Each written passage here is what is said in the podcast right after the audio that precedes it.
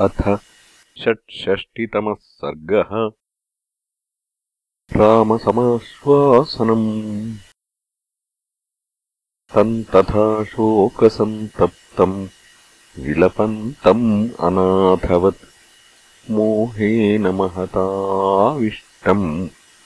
परिद्यूनम् अचेतनम्। ततः सौमित्रिराश्वास मुहूर्तादिवलक्ष्मणः रामम् सम्बोधयामास चरणौ नाभिपीडयन्। महता तपसा राम महता चापि कर्मणा। राज्ञा दशरथेनासि लब्धोऽमृतमिवामरैः तव चैव गुणैर्बद्धः त्वद्वियोगान्महीपतिः राजा देवत्वमापन्नो भरतस्य यथाश्रुतम्। यदि दुःखमिदम् प्राप्तम् काकुत्स्थ न सहिष्यसे। प्राकृतश्चाल्पसत्त्वश्च इतरः कः सहिष्यति दुःखितो हि भवान् लोकान्। तेजसा यदि धक्ष्यते आर्ताः प्रजानरव्याघ्र क्व नु यास्यन्ति निर्वृतिम्।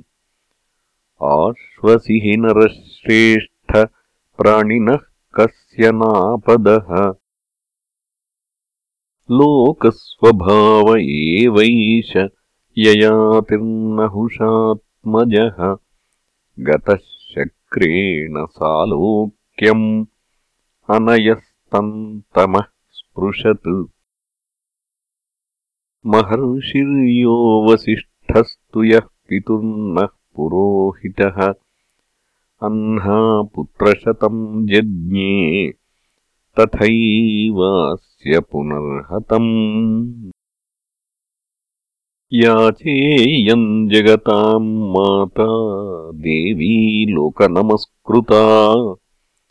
अस्याश्च चलनम् भूमेः दृश्यते सत्यसंश्रव।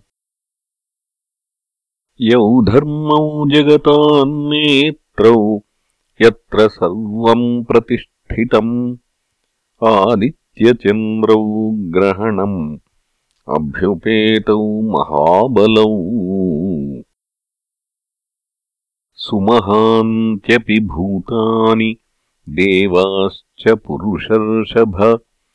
न दैवस्य प्रमुञ्चन्ति सर्वभूतादिदेहिनः। शक्रादिष्वपि देवेषु वर्तमानौ नयानयौ श्रूयेते नरशार्दूल न त्वम् शोचितुमर्हसि। नष्टायामपि वैदेह्याम् हृतायामपि चानघ शोचितुम् नार्हसे वीर यथान्यः प्राकृतस्तथा त्वद्विधा हि शोचन्ति सततम् सत्यदर्शिनः। सुमहत्स्वपि कृच्छ्रेषु रामानिर्विण्णदर्शनाः।